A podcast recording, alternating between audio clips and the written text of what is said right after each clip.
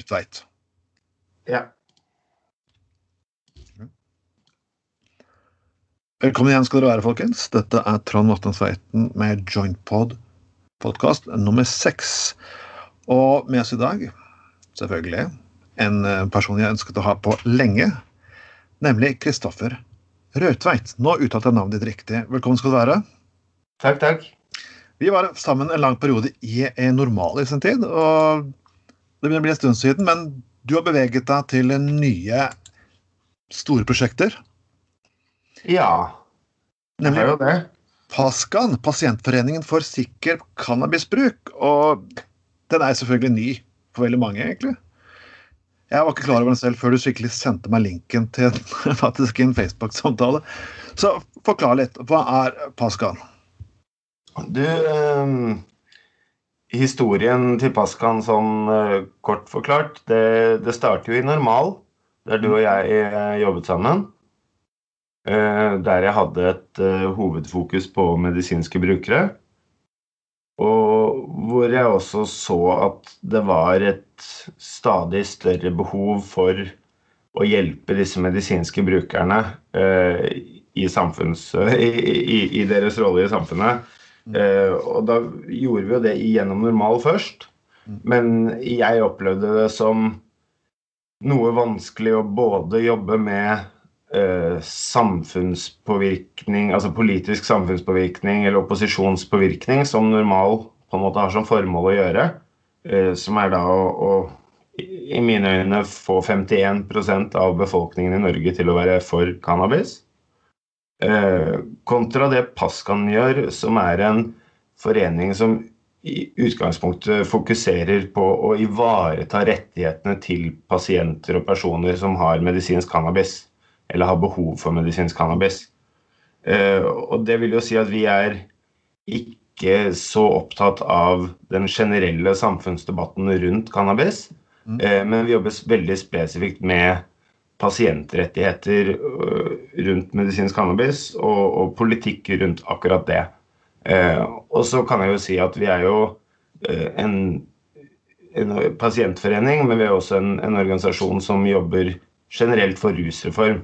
Eh, selv om vi fokuserer på medisinsk cannabis, så er det ingen av oss som mener at eh, det bør medføre straff uansett. Eh, så den, den foreningen ble på mange måter til under rusreformkonferansen i 2017. Ja. Da Thorvald Stoltenberg fikk prisen. Da ble jeg kjent med Ralf. Utrolig dyktig og fin fyr. Eh, som da hadde kommet ut av et fengselsopphold der han hadde sittet fengslet for å tilvirke sin egen medisin. Eh, og han hadde en historie som inspirerte og motiverte meg til, eh, til at vi begynte å, å, jobbe sammen konkret om å utvikle en egen pasientforening. som da ble stiftet faktisk først i 2018. Eh, men Så vi er jo nå to-tre år gamle. Mm. og vi har, eh, vi har, noen hundre medlemmer og, og er en, en forening eh, som holder oss relativt aktive. Men vi er jo basert på frivillighet og drevet av i stor grad pasienter selv. Eh, så, så, det har vært litt opp og ned, og så har vi vært veldig opptatt av å bygge bygge troverdighet, eh, forstå hva vi snakker om før vi uttaler oss. Eh, vi har brukt mye tid på å sette oss inn i enkeltpasienters ulike problemstillinger. Eh, og brukt mye tid på dialog med politi, tollvesen, eh, politikere, men, men spesielt håndhevere av lovverket. Det har vi hatt veldig god, god, god suksess med også. Hvordan er forholdet til lov og toll nå? For det har vært, jeg, Vi har fått tilbakemelding om litt sånn trøbbel. Det var jo under koronakrisen nå så var det jo en uh, sak om uh, pasienter som reiste til Nederland. og Man lagt et fokus på TV 2, så jeg, at uh, mange av de tok, tok, cannabis og solgte på gata i Oslo. Ja. Er hvordan, hvordan, er forholdet deres til disse myndighetene når de, når de sprer sånne historier? Du, Der vil jeg først og fremst få lov til å si at tollerne på Gardermoen er generelt sett svært flinke og profesjonelle og opptrer med den høflighet og respekt man forventer av en offentlig tjenesteperson. Mm. Eh, så er det jo sånn at spesielt på Gardermoen da, så har de delt opp Du har på en måte en seksjon med vanlige tollere. Mm. Eh, og så har de jo en egen narkotikaseksjon. Og de er ikke like begeistret for uh, våre medlemmer, og våre medlemmer er kanskje ikke like begeistret for dem. For der har vi uh, mange tilfeller av at de stopper å arrestere pasienten før, eh, før pasienten får gå på rød sone og deklarere medisinen sin. Eh, ta fra pasienten medisinene. Eh, nekte å lese dokumenter. Altså det, Men har, har de lov til dette? Har de lov til å nekte å lese dokumenter? Har de lov til å ta de før de kommer inn i tollområdet? Eh, Det er jo noe vi mener de ikke har lov til. Eh, og, og disse sakene, det må jo også sies at vi, vi hører jo bare pasienten sin side. Ja. Eh, og tollvesenet har jo sin side, og sannheten ligger jo sikkert et sted imellom. Eh, så av og til så kan jo tollvesenet f.eks. si at pasienten eller personen ble krakilsk, oppførte seg rabiat, så vi fikk ikke mulighet til å gjennomgå dokumentasjonen før Ok. politiet måtte ta hånd om pasienten. Eh, mens pasienten har en veldig annen opplevelse av, av situasjonen. Ja, men dette er jo sånn enkelt ganske lett å se, for det er jo videokameraer på området, så vidt han oppfører seg kakrilsk. Det jo det, det er litt morsomt, men det er faktisk ikke videokameraer på rød og grønn sone. Oh, ok.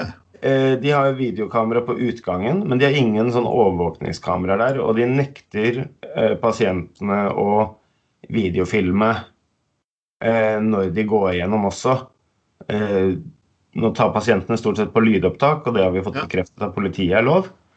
Eh, Men, men eh, de er veldig, veldig påpasselige med både arbeidsmetoder og identiteter her, og, og det kan man jo kanskje forstå. Ja. Eh, Så vil jeg jo si det at eh, toll, tollvesenet bør Altså det at tolldirektøren går ut og uttaler seg så politisk og så bastant eh, uten å høre med andre fagmyndigheter, det, det er jo veldig synd. Og, og det skaper jo mange situasjoner som ikke er ønskelige. Eh, det, det var jo dessverre påfallende at det var eh, to ran av pasienter ganske kort tid etter den uttalelsen fra tolldirektøren. Ok. Eh, og da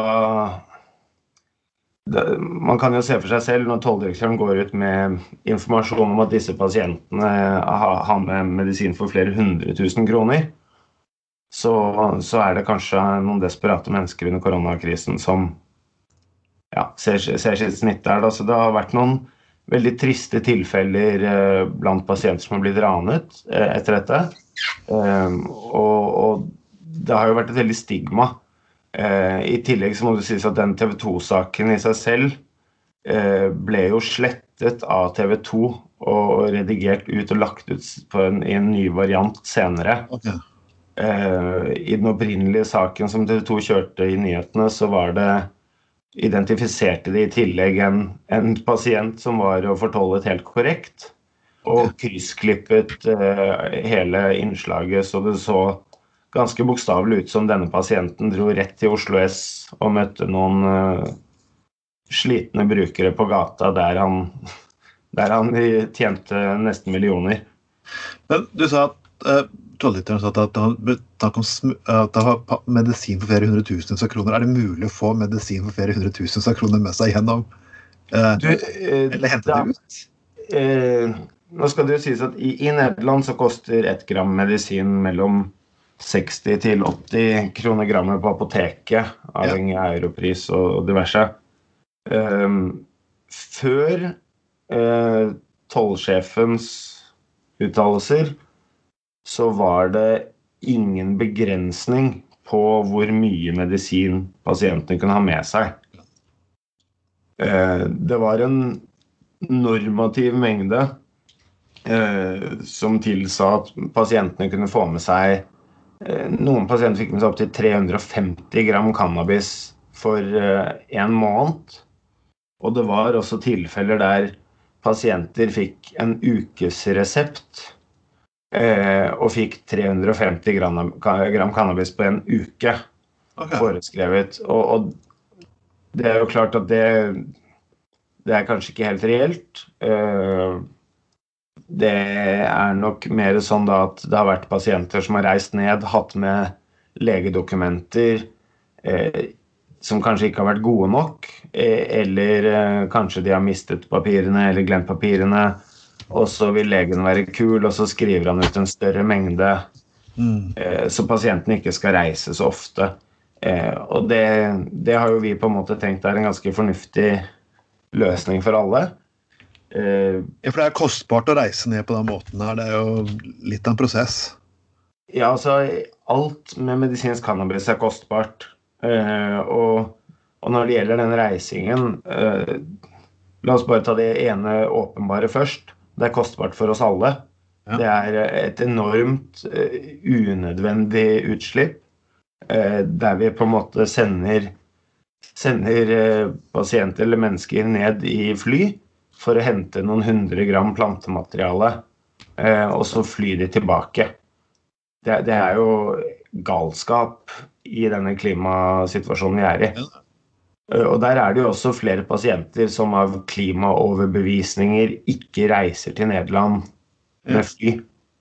Eh, De tar heller en kjøretur én gang i året.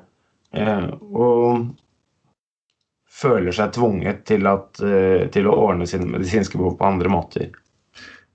Kan vi ikke bare ta liksom fra gangen hvor, Hvis du skal få tak i Nå skal jeg føle selvfølgelig skal ikke oppfordre til å gjøre noe galt, men hvordan er det hvis du skal få medisinsk cannabis? Hvordan er, hvordan er veien du går fram da, her i Norge? Uh, I Norge så er det uh, sånn at fra uh, november 2016 så ble det lovlig å, å utskrive medis eller søke om medisinsk cannabis i Norge for eh, ferdige spesialister som er ansatt i spesialisthelsetjenesten eller offentlige sykehus som overleger, da. Ja. Um, det er per dags dato så er det ca. 200 pasienter som har fått innvilget medisinsk cannabis siden 2016. Utenom MS-pasientene som får Sativex, som er en annen gruppe på ca. 400-500 pasienter. Eh, så i teorien så skal det være sånn at du går til fastlegen din. Fastlegen din henviser deg til eh, spesialist. Eh, Om du sliter med smerter, så blir du da henvist til en smertespesialist. Om du sliter med eh, psykiske ting, så skal du bli henvist til en psykiater eh, osv. Eh, og så kan den eh, spesialisten gjøre en vurdering på om du fyller ut eh, kravene for å, få, for, for å søke, med, søke godkjenningsfritak for medisinsk cannabis. Eh, og det forutsetter at du har forsøkt all annen tilgjengelig behandling mm. eh, uten hell. Eh, eller at du har hatt eh, erfaring med cannabis som har vært svært positiv. Eh, det, det er en litt sånn vag formulering. Dere får se, se den selv i, på hvordan den var formulert før. Um, men i utgangspunktet så sa de det at hvis pasienten hadde kunne vise til historikk der medisinsk cannabis hadde vært effektivt, så kunne det vurderes og søkes uten å prøve alle andre alternativ. Men det er litt spesielt, for da må jeg si at ok, jeg har brukt en medisin som ikke har vært lovlig i Norge, og det er positive virkninger for meg. Nå bør jeg få mer av den medisinen lovlig? Ja, absolutt. Eh, Det som har vært da imøtesvaret fra offentlige helsemyndigheter, har vært hvis du bruker cannabis ulovlig i Norge, eller generelt sett de fleste rusmidler ulovlig, da, gjør, da driver, bedriver du en risikoatferd. Eh, Du prioriterer den atferden ovenfor, på tross av de risikoer det medfører, da. Eh, og da er det veldig mange som Hvis du forteller at du har brukt cannabis og selvmedisinert over lang tid, så vil du veldig fort få et cannabinoidavhengighetssyndrom-diagnose. f.eks. Eh, eller en forklaring på at du er avhengig. Um, så, og, og, det skal jo også sies at veldig mye av den cannabisen som har vært tilgjengelig i Norge på gatemarkedet, det er jo veldig lite konsistent. Eh, sjelden man vet hva man får, sjelden man vet hva innholdet er. Eh, sjelden likt over lengre tid. Eh, og det er jo noe som gjerne kjennetegner medisinsk cannabis. Eh, så det som har vært den faktiske løsningen for, for pasienter, har jo vært å reise til eh, spesialister i Nederland som har erfaring med medisinsk cannabis, og få de til å vurdere, vurdere det. Gjøre det i en prøveperiode, og så vise til fastlegen se her, dette funker bra for meg. Jeg syns det er veldig slitsomt å reise opp og ned til Nederland. Så blir du henvist til spesialisthelsetjenesten, og så får du medisinsk cannabis der. Og jeg vil vel si at av de 200 pasientene som har fått, fått medisinsk cannabis godkjent i Norge nå, så har i hvert fall halvparten eh, minimum vært i Nederland på forhånd og fått det der først. Men dette er jo egentlig ganske risikosport uansett. for veldig, Jeg har spurt legen når jeg prøvde å hinte inn på ham med det der, og veldig mange leger i Norge ønsker å snakke om temaet. Men de kan ja. skrive ut Paragin forte i bøtter og spann. Det er, et, eh, det er et veldig sensitivt tema. Og, og, der er eh, Og det skal jo sies det også at medisinsk cannabis er jo ikke for absolutt alle. Eh, det er jo ikke sånn at alle burde få det av legen, kanskje.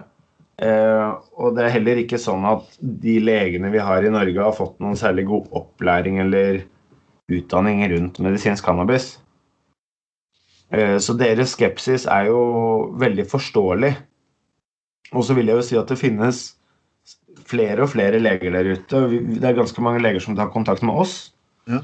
Eh, som er interesserte, som er nysgjerrige og som er åpne, men som frykter stigma fra kollegaer eller stigma fra arbeidsplassen. Eh, og vi har til og med hatt eh, noen overleger, altså avdelingsoverleger fra offentlige sykehus, eh, som har sagt rett ut at de har fått klare direktiver fra politisk ledelse om å begrense søknader om medisinsk cannabis så mye de kan.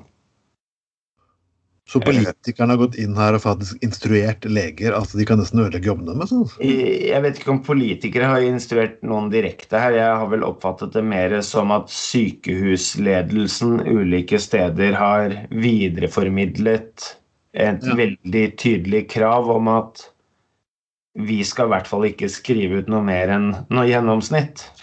Okay. Og når det gjennomsnittet er null, så er jo beskjeden tydelig. Eh, så har det vært noen unntak, det skal sies. Eh, smerteklinikken på Ullevål har ja. søkt eh, for en del pasienter. Ahus har søkt for noen pasienter.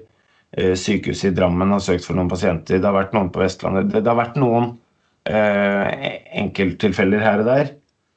Men for å sette det litt i perspektiv, da, Trond. Ja. Norge godtok dette jeg tror det var 16.11.2016. De har per dags dato klart å hjelpe typ 200 mennesker. Mm. Eh, I Danmark så har de godkjent dette siden 2018. Eh, og de har i samme tiden klart å hjelpe 4500 mennesker. Wow. Og de har i, i stort sett også samme, samme medisinske forskrivningsgrunnlag, de bare vurderes annerledes. Så da kan man jo spørre seg selv er det noen store genetiske forskjeller mellom Ola Nordmann og Holger Danske, eller er det noe politisk som ligger til bunn her? Jeg er litt overrasket. Jeg har samtale om dette her, for jeg har ofte vært i Japan. og CDB-olje Jeg skulle prøve å få tak i, få tak i Norge, og det viste at det skal være en, litt av en prosess. Søke Legemiddelverket, få det levert, og summen var ganske svær. Men i Japan, som var det strengeste landet på doplover i hele Asia, utenom ja, Kina, der kan man få det på helsekostbutikkene. Mm. Hva kommer det av at et, en olje som ikke har en spesiell ruseffekt, ikke noe mer enn kanskje en smertestillende, nærmest må kjøres gjennom Legemiddelverket og betale enorme summer i Norge, mens i Japan, som har enda strengere doplov enn Norge, der får du det på helsekost. Hva, hva, hva sier det egentlig for noe? Du, du stiller eh, spørsmål Trond, som jeg ikke eh, vet helt hvordan jeg skal svare på. Eh, jeg vil jo si det at det er flaut å lese Hvis man skal forstå hvorfor Norge har vært så trege med CBD, så må man se på det utvalget som ble satt ned i 2009 om industrihemp. Ja! Og da var egentlig konklusjonen det at det var ikke noe problem å dyrke industrihemp i Norge. Dere representerte mange muligheter. Ja. Men eh, ingen, ingen, av de markedsmulighetene var i dag store nok økonomisk til å konkurrere med tradisjonelt landbruk. Okay. Eh, og ikke minst, det ville være for vanskelig for kontrollører å se forskjell på hamp og THC-holdig cannabis. Men er det egentlig det? Uh, jeg er jo fristet til å si nei. Uh, og, og det, altså, nei, det er ikke vanskelig. Du kan kjøpe deg et mikroskop og sette det på telefonen din for 30 kroner. Og så kan du se det veldig tydelig. Okay. Men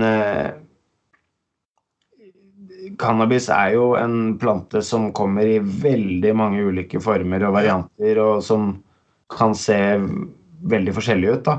Eh, I 2020 den, den, mest søkte strainen i 2020 var jo Freakshow. Eh, og det er en strain som ikke ser ut som en cannabisplante i det hele tatt. Okay. Som på en måte På mange måter beskrev 2020 godt. ja, det, det, men bare nødt til å le litt. For jeg, la oss ane på CDB. Jeg så nå at både Frankrike og Italia forsøkte seg med å klassifisere dette her som narkotika, mens EU satte en stopper for det. Ja, og der, der, er vi jo inne i Norges særsituasjon med EØS. Ja. Eh, og nå, nå, var det jo en høyesterettsdom før jul fra, fra eh, EU-domstolen, eh, det var med Frankrike angående CBD-salg, eh, der de gjorde det tydelig at CBD skulle være tilgjengelig for alle medlemsstater, og det var ikke mulighet til å pålegge restriksjoner på det salget. Så vi er jo spente på å se om om Norge tar til seg den dommen. Men vi har jo ikke selvfølgelig Er ikke forpliktet til å gjøre det? Jo, de er vel det, på sett og vis. Samtidig så har Norge uh, Vi har en litt sånn særegen stilling når det gjelder legemidler i Norge i forhold til resten av EU. ikke bare når det gjelder cannabis og narkotika, men også når det gjelder C-vitamin og penicillin og, og mye rart.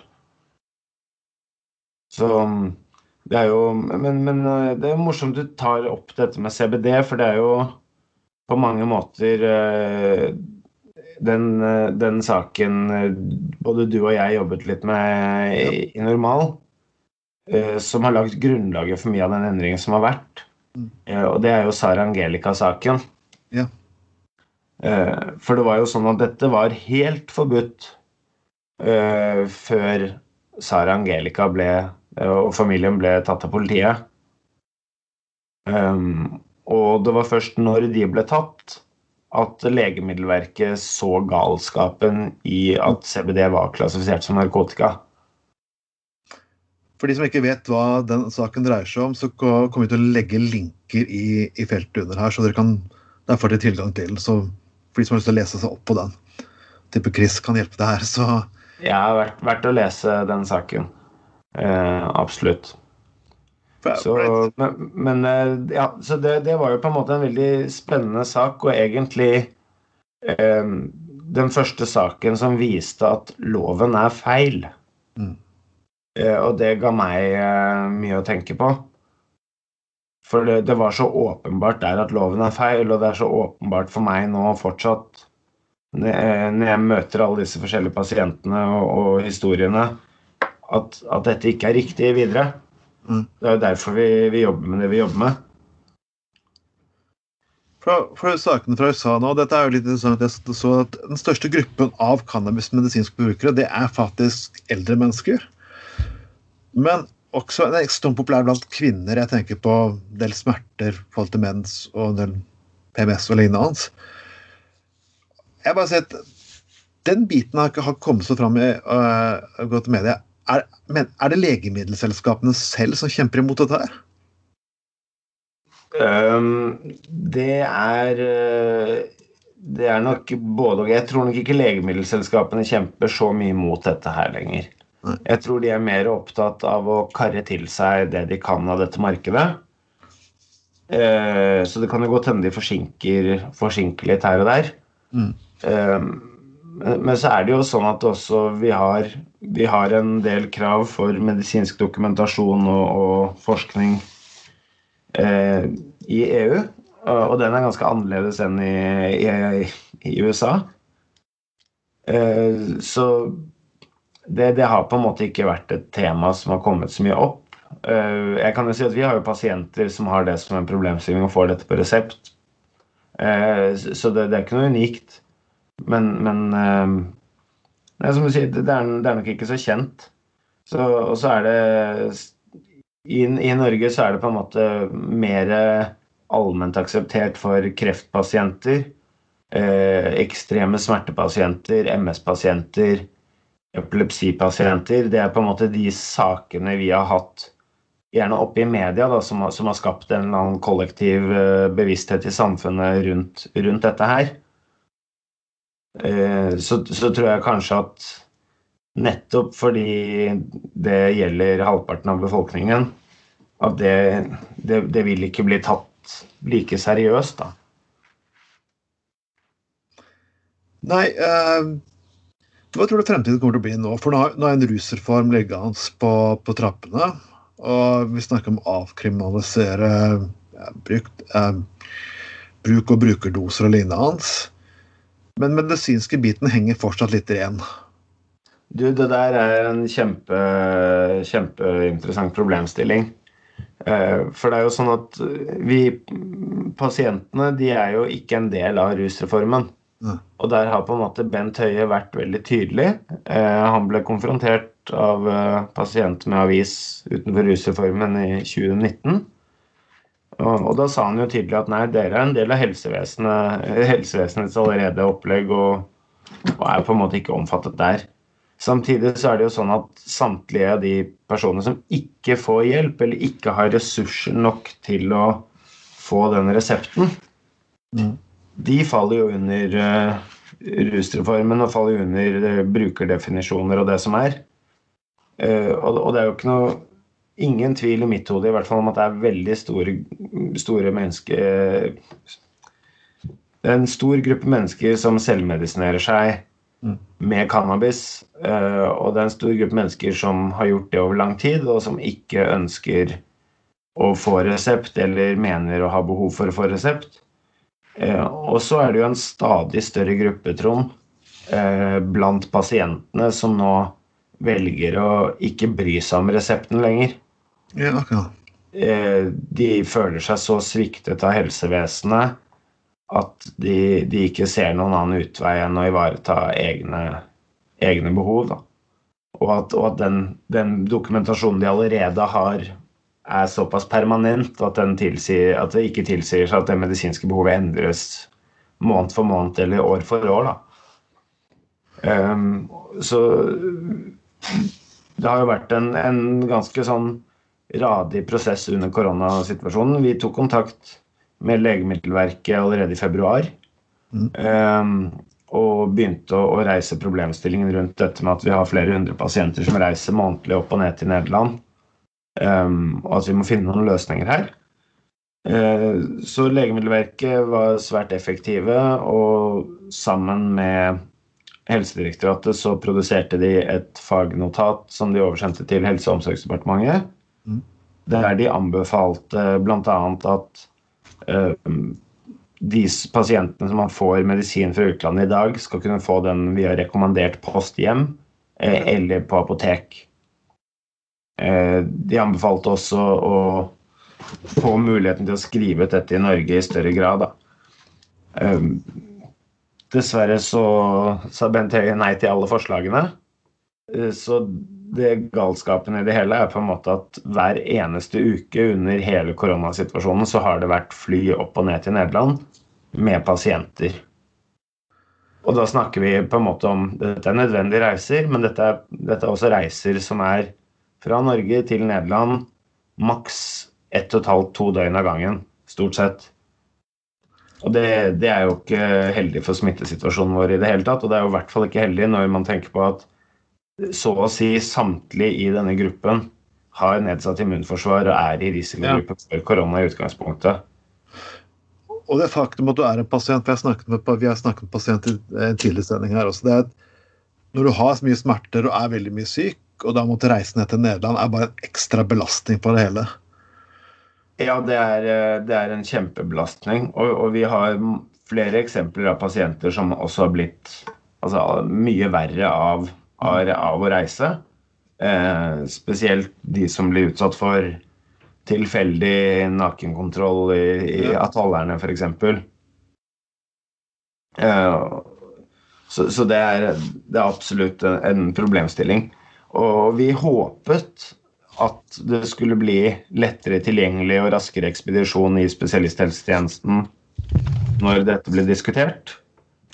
Eh, men dessverre så er det Det har vært noen få pasienter som har fått medisinsk cannabis eh, under koronasituasjonen. Eh, dessverre så har apotekene i Norge vært tomme for den medisinske cannabisen i stor grad. Så selv, selv, de pasientene som har fått det på norsk resept, der har det vært mennesker som har vært tvunget til å reise til Nederland eller kjøpe det i det kriminelle markedet eller nødmarkedet, eller hva man skal kalle det. Um, så vi varslet jo i mai om at uh, vi vet det kommer til å fortsette å være leveringsproblemer. Vi har kontakter i Bedrokan. Uh, vi vi har på en måte fått bevist gang på gang at vi ikke kan stole på myndighetene. Uh, så vi, vi, ble kontaktet av flere pasienter som hadde begynt å dyrke selv.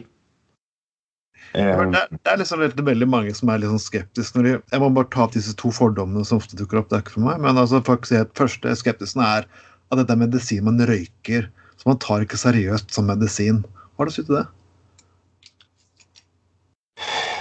fordommer er jo stort sett basert på mangel om kunnskap. Ja. Eller mangelfull kunnskap. Um, det er helt klart at uh, det er mest effektiv medisin for flest å ikke røyke det. Mm. Og det er veldig mange av pasientene som ikke røyker i det hele tatt. Og da bruker de medisinen sin i vaporizer eller i te eller lager det i mat. Uh, og så er det noen pasienter som røyker det og opplever god effekt av det. Ja. Og, og, der er det, det, det tenker jeg på en måte er viktig å få fram. Ja. Det, det, kan være mange grunner til at de røyker det. Det kan være litt lettere å dosere. Ja. Uh, det kan være lettere tilgjengelig og raskere effekt. Så spesielt det har vært faktisk en studie rundt PTSD. At personer som sliter med PTSD, kan oppleve bedre medisinsk eh, effekt av å røyke det enn å vaporize det, til og med. Når de opplever angstsituasjoner eller fight or flight-situasjoner. Eh, så det er noe. Og så er det jo mange som, mange som får medisinsk cannabis som har hatt en historikk på LAR.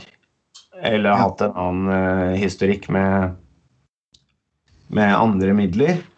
Og, kanskje de røyker, røyker sigaretter fra før av og, og, på en måte kombinerer det. det. det. er noe som er mellom pasienten og legen i mine øyne. Ja. Um, men, men, det er ingen tvil om at det er mest effektivt, sunnest og, og tryggest å bruke det i vape. Ja. Uh, det er på en måte unntaksvis tilfeller der det er medisinsk forsvarlig å røyke det, hvis man skal si det sånn. En annen fordom som jeg ofte får inn på advokatene, er det faktum at uh, dere vil at folk skal få lov til å dyrke planten selv til medisinsk bruk. Jeg, jeg vil jo bare skyte inn der, da, Trond, ja. at i utgangspunktet så ønsker vi oss en, uh, en kollektiv løsning. type social clubs som Belgia og Spania. Ja, ok. Forklar litt om social clubs sånn kjapt. Ja, det er da en Eh, en eh, forening eh, bestående av brukere der de kollektivt produserer cannabisen sin selv. Ok. Og da er det ikke lov til å ta ut profitt av den foreningen.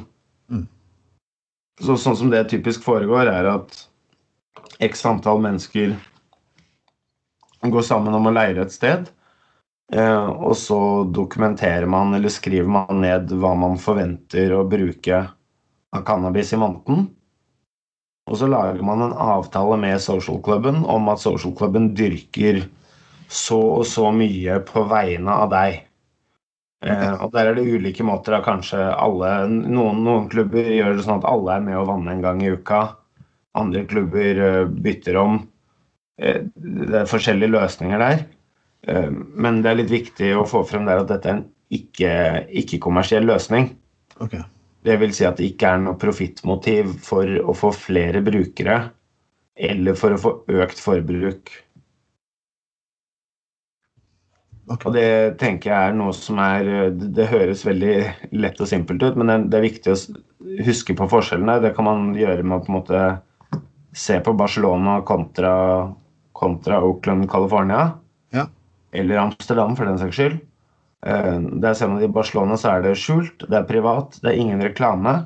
Ja. Eh, man følger mye av alkoholloven og den type ting. Um, og det har et helseorientert fokus. Mm. Um, mens det vi har sett i USA med rekreasjonell legalisering, det er jo kanskje et, et, annet fokus, og det er ikke det fokuset vi i Paskan ønsker å fremme. Um, og det er ikke nødvendigvis det fokuset vi mener er sunt heller. Nei.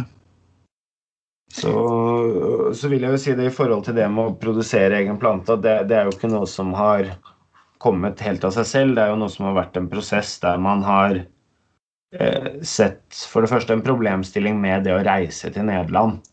Eh, en økonomisk problemstilling eh, der det er sånn at det er flere som har godkjente resepter fra norske smerteleger på medisin som tilsvarer 28 000 kroner i Norge. Ja. Men som tilsvarer 18 000 på apoteket i Nederland. Okay. Og da er det fort økonomisk lønnsomt å heller reise til Nederland. Det, det sier seg selv, ja. Ikke sant? Men 18 000 kroner i medisin på en måned, det er mye penger. Ja, det, det er mer enn det. Og det å reise hver måned i tillegg, det er mye, mye arbeid.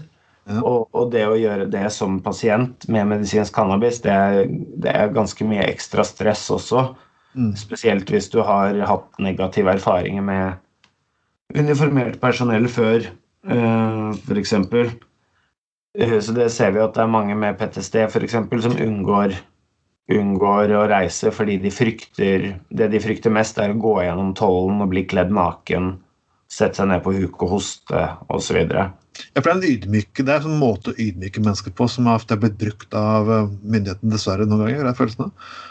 Ja, det, den, den, praksisen der er eh, ikke forsvarbar i, i, på noen måte, eh, i mine øyne. Eh, det er en forkastelig praksis. Så, så jeg, jeg, forstår godt, uh, godt, mange av de som har helseproblemer. Og så er det jo ikke minst siste gruppen, som er personer som er for syke til å reise. Og da, der er det jo på en måte Kreftpasienter er den største gruppen der. Ja. Det, det, det, er stadig kreftpasienter med langt fremskreden kreft, og der de har fått beskjed om å å avslutte sine affærer. Ja. Um, men de blir allikevel nektet å få medisinsk cannabis som smertelindring uh, av kreftlegene.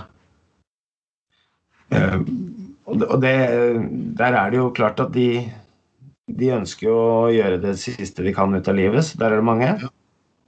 Uh, så, så, vil jeg, så ved siden av den reisedelen, så er det også det at Bedrocan på tross av at de insisterer på at deres produkt er helt konsistent, ja.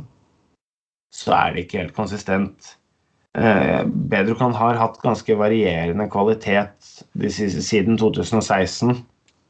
Eh, og det er godt dokumentert at det er flere pasienter som får frø i medisinen sin. Ja. Eh, det er flere pasienter som har fått våt medisin. Eh, sånn at det på en måte har for lite medisin når det har tørket.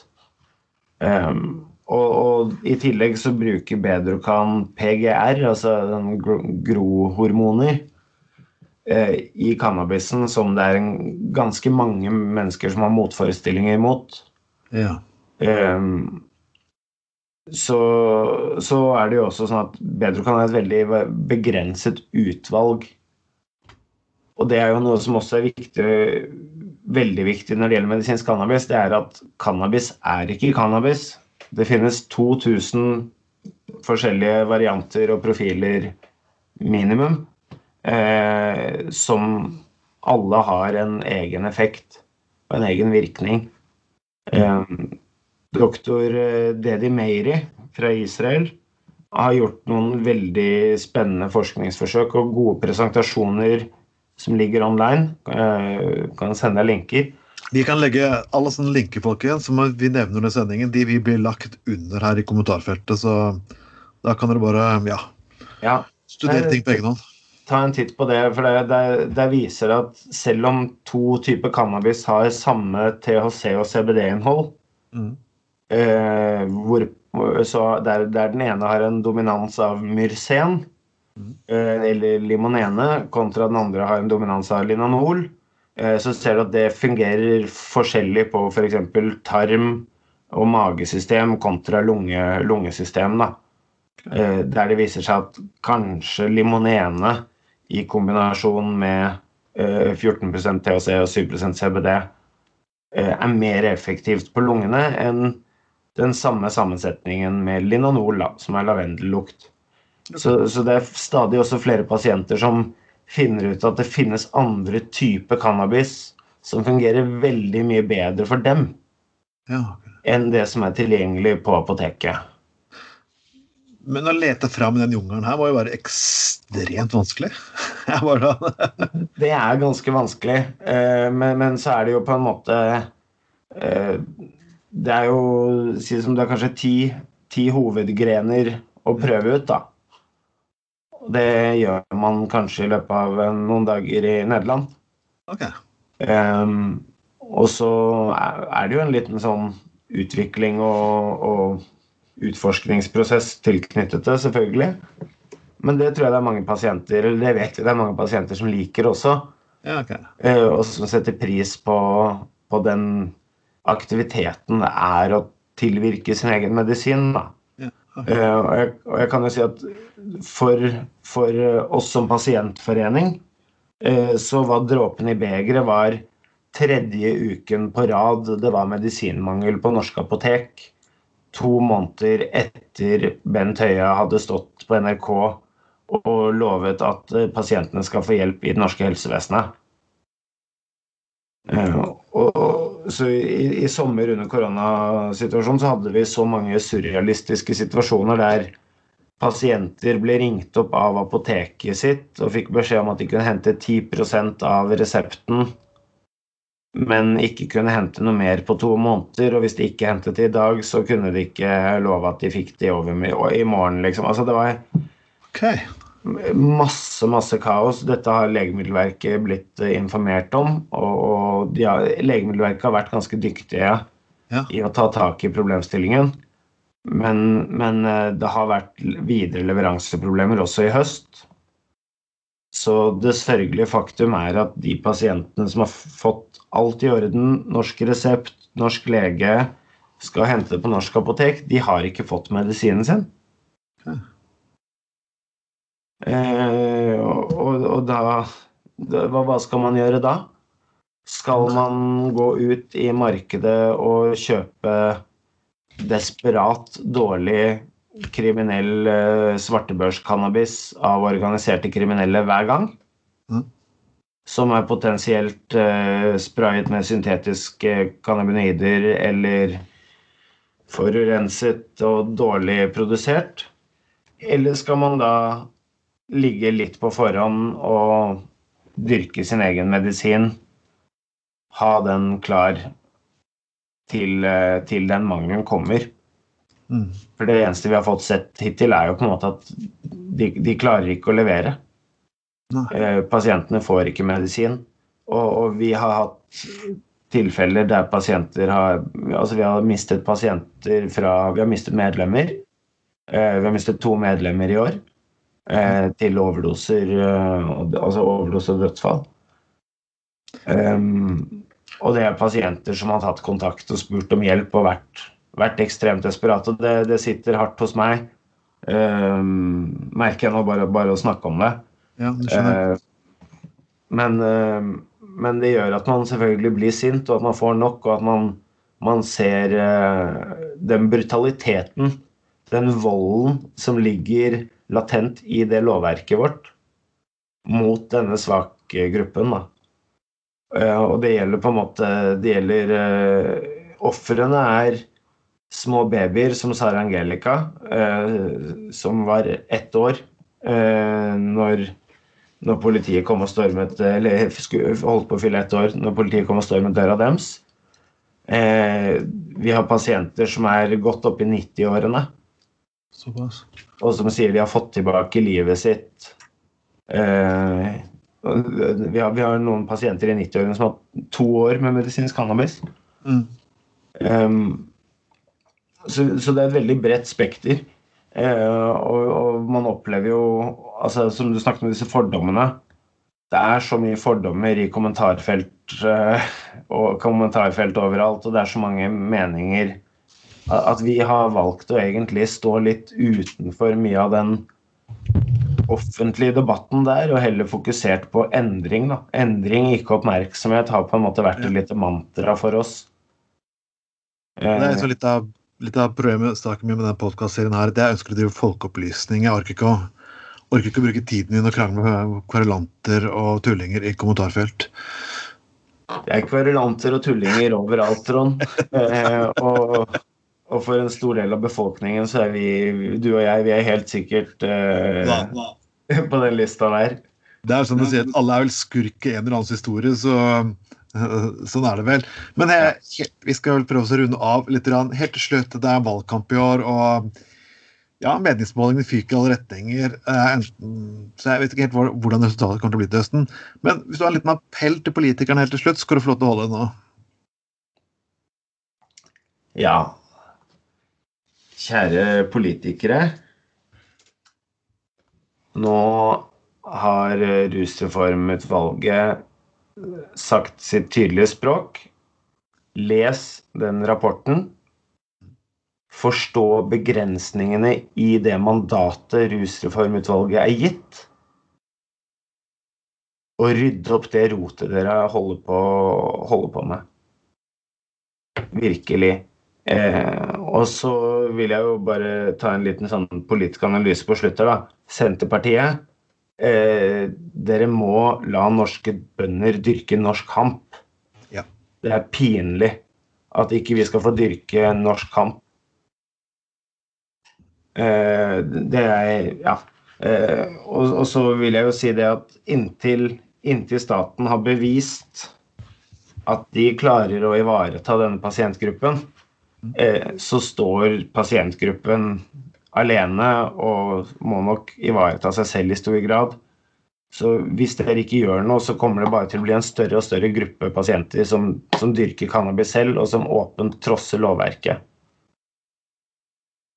Og da kan dere spørre dere hvilken side dere vil stå på.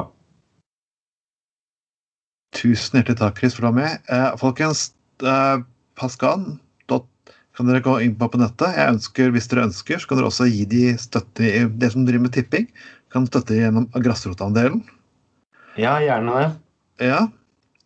Og selvfølgelig, folkens, alle de tingene vi her snakker om, er, er artikler og saker og lignende hans, de blir lagt under kommentarfeltet.